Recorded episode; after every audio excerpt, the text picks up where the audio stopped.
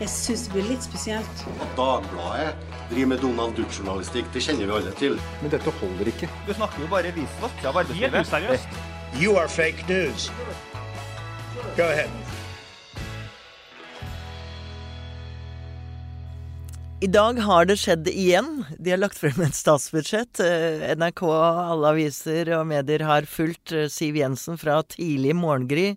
Og her i Dagbladet har eh, kommentator Andreas Økland eh, dratt hit opp til Hasle på eh, Hva var det, en elsparkesykkel tidlig i dag morges? Ja, Det var faktisk en vanlig bysykkel. Litt god gammeldags eh, trim. Ja. Det er noen av oss som fortsatt er litt opptatt av dette her. Men du har i hvert fall fulgt dette eh, grytidlig, og Ola Magnussen Rydde også har full stålkontroll over de forskjellige elementene i statsbudsjettet. Så her skal vi gå gjennom noen av, eh, noen av punktene. Men jeg tenker at aller først eh, Vi er jo selvopptatte, alle forbrukerne og sikkert lytterne òg. Hva er liksom overskriftene på hvordan, hva dette budsjettet betyr for oss? Jeg tror overskriften er at det skjer ikke så mye. Uh, hvis du ser f.eks. på skatteopplegget, så uh, Nå har jeg ikke tallet i hodet, men det er en ganske liten skattelette som totalt uh, når ut til folk. Du har litt kompensasjon for at NRK-lisensen nå forsvinner, og så blir lagt inn på personfradraget, så du merker det på inntekten din istedenfor på denne regningen du får i Hva skal folk klage over da? Kanskje Civita får rett, og folk endelig skal begynne å klage på hvor, eh, hvor mye vi faktisk betaler i skatt eh, på inntekten vår. Jeg vet ikke.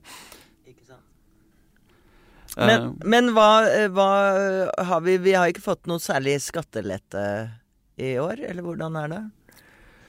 nei. eh, Det vil si til neste år, ja. selvfølgelig. Og til og med sånn så klassiske eh, En del av de klassiske sånne fradragene og sånt holdes uendret. Eh, Så her vil f.eks.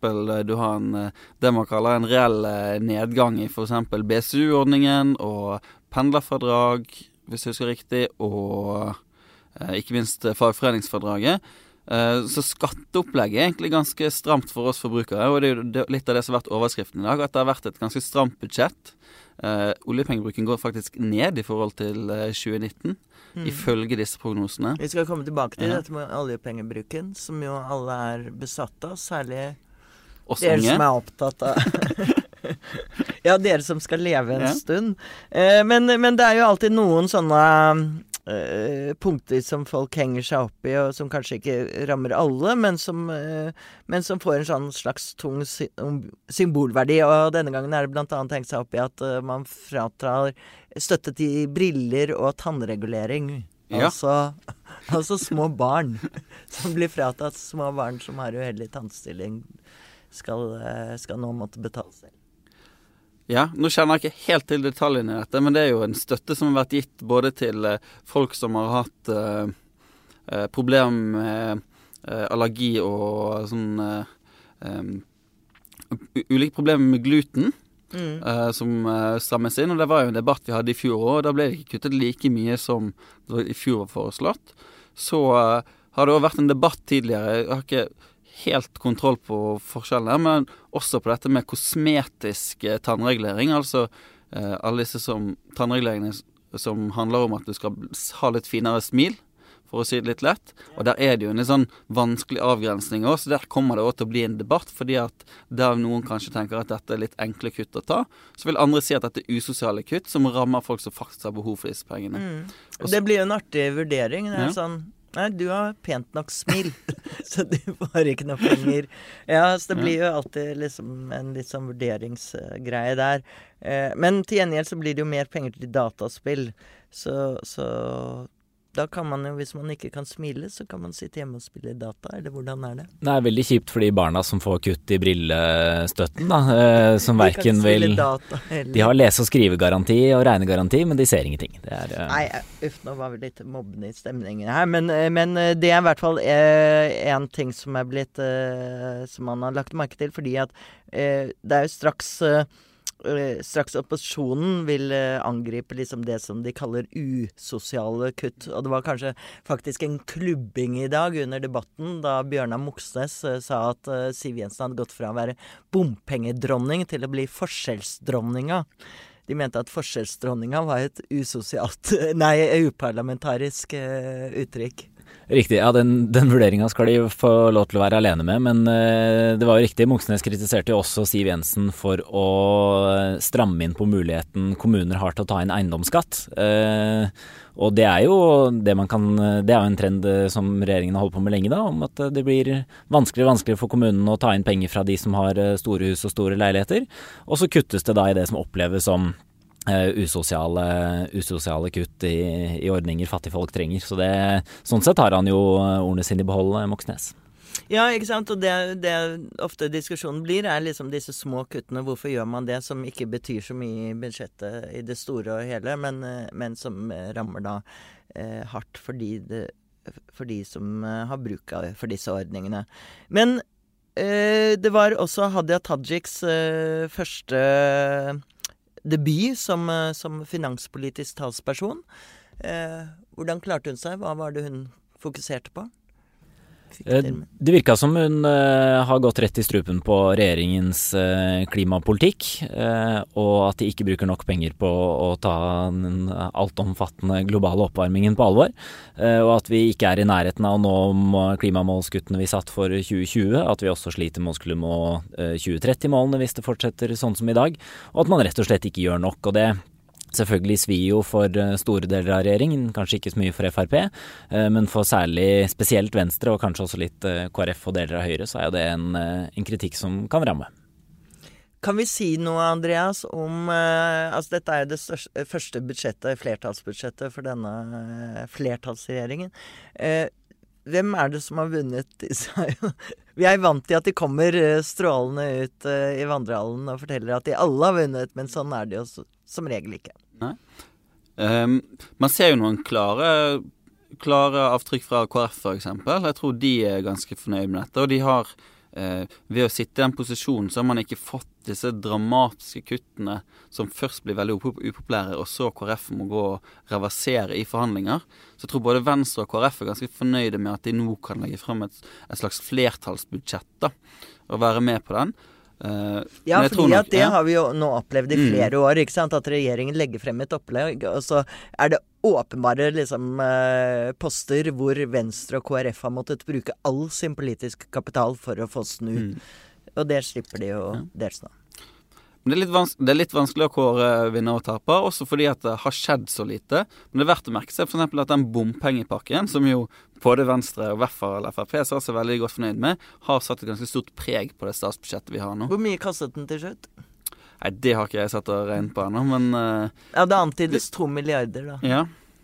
Så det, det er jo en del av det handlingsrommet som regjeringen uh, har å manøvrere seg for, som er spist opp av denne bompengepakken. Og så, jeg så en sånn vi, vi har jo liksom tenkt på denne bompengepakken som sånn noe Frp drev fram, og noe som var viktig for Frp. Men da, da Venstre skulle presentere sine ti viktigste gjennomslag i statsbudsjettet eh, tidligere i dag, så så jeg at eh, jeg tror det telte tre eller fire punkter som handlet om hva for bompengepakken. Eh, Så det sier jo litt om at det, det mye av de, de detaljene som man løfter fram i dag, og som, som er liksom, sånn godsaker, da, er nettopp det man ble enige om i den bompengepakken. Men det er jo ganske forvirrende for, for lesere og lyttere å, vite hva som er riktig, da. At det er eh, når Frp og Venstre som står så kraftig mot hverandre, de kan jo ikke begge ha fått, uh, fått det som de ville i denne bompengeavtalen. Det er rett og slett klin umulig. Så hvem er det som eh, overdriver her? Det virker jo som Frp har vunnet ganske bra frem når de får en to milliarder-pakke og kutt i eh, en del av bompengene. Ja, jeg tror, eh, jeg tror du har rett i det. og Hvis du ser på, går, blar helt bakerst i eh, budsjettet til Klima- og miljødepartementet, så har vi dette vi kaller framskrivninger av klimagassutslippene for Norge fremover. Og de viser jo et ganske grelt bilde av hvordan det står til for å nå klimamålene våre. Eh, og jeg tror nok at eh, denne klimadebatten som vi har sett gjennom hele år, gjennom klimademonstrasjoner, gjennom det engasjementet som Greta Thunberg har blitt en, et symbol for, det vil nok fortsette hele denne høsten. Eh, og så kan vi jo se for oss Jeg vil, jeg vil spå Ja. at den vil fortsette ganske mange år, faktisk. Det vil han nok. Så, så jeg tenker liksom Ja. at det er ganske dristig å ikke egentlig gi seg hen til, til det som kommer til å være en dominerende Mm. Og der vil jeg også si at det er dristig av regjeringen, fordi at du kan legge opp til en budsjetthøst nå hvor regjeringen først kommer til å få ganske massiv kritikk for statsbudsjettet, som ikke tar klima nok på alvor. Og så ender nobelprisen, og så kommer Greta Thunberg til Oslo for å motta nobelprisen i desember, rett etter at statsbudsjettet blir eh, vedtatt. Og der sitter regjeringen og skal forhandle om eh, nullvekstmålet og for byene og sånt. Det kan bli Å, dette var som Nei til atomvåpen. Hvor, eh, hvor, eh, hvor det var bilde av Erna som ikke klappet. Ja, det, jeg tror jo at Erna er for klimatiltak, da vil jeg understreke det. Men eh, her er vi jo inne på noe som, eh, som eh, du snakket om handlingsrom og slike ting. Og oljepengebruken har jo alle vært veldig besatt av. Eh, vi også har jo vel skrevet strenge eh, ledere om at denne regjeringen bruker for mye oljepenger. Hvorfor er det så farlig, Ola? Nei, så de, de har eh, brukt både for mye i mange år, men også noen ganger så gjorde de jo godt med retta. Så etter oljeprisen falt, så var det et behov for at man skulle stimulere økonomien å bruke mer oljepenger. Eh, Det gjorde regjeringen helt riktig en periode, og så var det nok et par år hvor de eh, dro det litt for langt. Hvor de kunne begynt å stramme inn igjen, og vi har jo bedt de stramme inn helt til nå. Eh, og det er jo da av den enkle grunn at hvis du bruker for mye penger når økonomien er, igjen, uh, er i oppgang, uh, så, så vil vi til slutt få et slag i trynet igjen og ha overoppheta det hele. Så for å si det på en måte som folk, mange folk forstår, så er det altså dette gode nyheter for de med mye boliglån, f.eks. For eksempel, fordi at eh, kanskje vi slipper flere renteøkninger. Kan vi tro Ja, det sånn? tror jeg helt klart at det er mulig å tenke at jeg, jeg, tror, jeg tror kanskje regjeringen følte seg litt rammet i vinter, eller nei, i vår, da de la fram revidert nasjonalbudsjett, og pengebruken spratt ganske mye i været. Og de fikk kritikk for at uh, dette kunne ha noe å si for rentesettingen. Og når, når politikerne de har ganske stor respekt for det Norges Bank holder på med, og for den betydningen renten har for privatøkonomien. Politikerne de skal gi ganske mye penger i skattelette og jobbe ganske langt, uh, ganske hardt for å finne, finne noe som kan påvirke folks privatøkonomi så mye som en rentesetting. Så når den eh, budsjettpolitikken begynner å påvirke det, da begynner politikerne å kjenne litt i, i magen. Og det kan jo ha vært en av grunnene til at de nå istedenfor å gi skatteletter, har prioritert å holde igjen igjen på sant, pengene. fordi at det er noen, noen sier at denne kjedelige oljepengebruken, som jo i hvert fall for folk flest er litt vanskelig å, å sette seg inn i den sammenhengen, det er kanskje noe av det aller viktigste som er, eh, som er skjedd i Mm. dette budsjettet. Jeg tror det har vært veldig smart, Også, og jeg skjønner at det er vanskelig når eh, oljefondet nå er på 9000, snart 10 000 milliarder, eh, og så sitter vi her og prater om kutt i brillestøtte til svaksynte fattige barn eh, på et par hundre millioner, så skjønner jeg at det kan liksom fremstå, fremstå smålig selvfølgelig, men, eh, men man må jo holde inn, og alle måneder drar jo når man begynner å legge på pengene i budsjettet. Mm. Og, og det, det jeg tenker vel, er jo at uh, vi står foran to ganske heftige politiske år, tror jeg, eh, som skal eh, ende, i et, øh, ende i et valg. Og da legger de opp til at de kanskje kan bruke et øh, lage et ganske raust øh, valgkampbudsjett. Ja, altså vi kommer nok helt sikkert til å se at de bruker eh, mye mer penger når det nærmer seg valgdagen i, i 2021, eller mot, eh, mot revidert der. Og så har Andreas også hatt et uh, veldig godt poeng som han har vært flink og sagt til lytterne våre og seerne på TV tidligere i dag. Og det er jo at, som du òg var inne på nå, da, at det er jo usikkerhet der om hvordan det blir. Regjeringen i, for ett år siden la opp til å bruke mye mindre penger enn hva de endte opp med å gjøre. Så ting kan skje, og det er også faktorer utenfor Norge og utenfor regjeringens kontroll som kan styre det. Altså, eh, hva som skjer i brexit f.eks. vil jo også påvirke norsk økonomi. Så det er jo også andre faktorer da. Så det er ikke bare regjeringens skyld hvis de ender opp med å Og det var jo noe av det både Siv Jensen og Erna Solberg understreket i dag, at det er forhold utenfor Norge som er ganske spennende nå. Eh, du nevnte brexit. Det er selvfølgelig det som er aller nærmest oss eh, Det virker jo som folk ikke har full oversikt over hva som faktisk er konsekvensen, og hva som skjer den dagen eh, det skjer. Men også ting i amerikansk økonomi tyder på at vi kan være litt urolige. Ja, både, både, amerikansk økonomi selvfølgelig, men også hvis det blir eh, krise i, eh, krise i Gulfen og oljeprisen spretter i været, så vil jo også det påvirke, påvirke økonomien vår. Men alt i alt eh, et sånn passe Passe stramt, passe kjedelig, udramatisk statsbudsjett. Det, det er jo nesten så man blir skuffet over denne regjeringen har levert og levert og levert når det gjelder drama og spetakkel. Men når det kommer til de store tingene, så, så klarer de seg relativt bra. Mm. Ja, det kan egentlig være at det er litt for kjedelig òg. At uh, de nå eh, har sittet i regjering i seks år. I hvert fall altså Erna Solberg vært statsminister i seks år. eh, og at de nå har bytt litt for komfortable med sitt eget prosjekt. At de ikke klarer å finne disse sakene som skaper engasjement for regjeringen når de skal legge fram et statsbudsjett.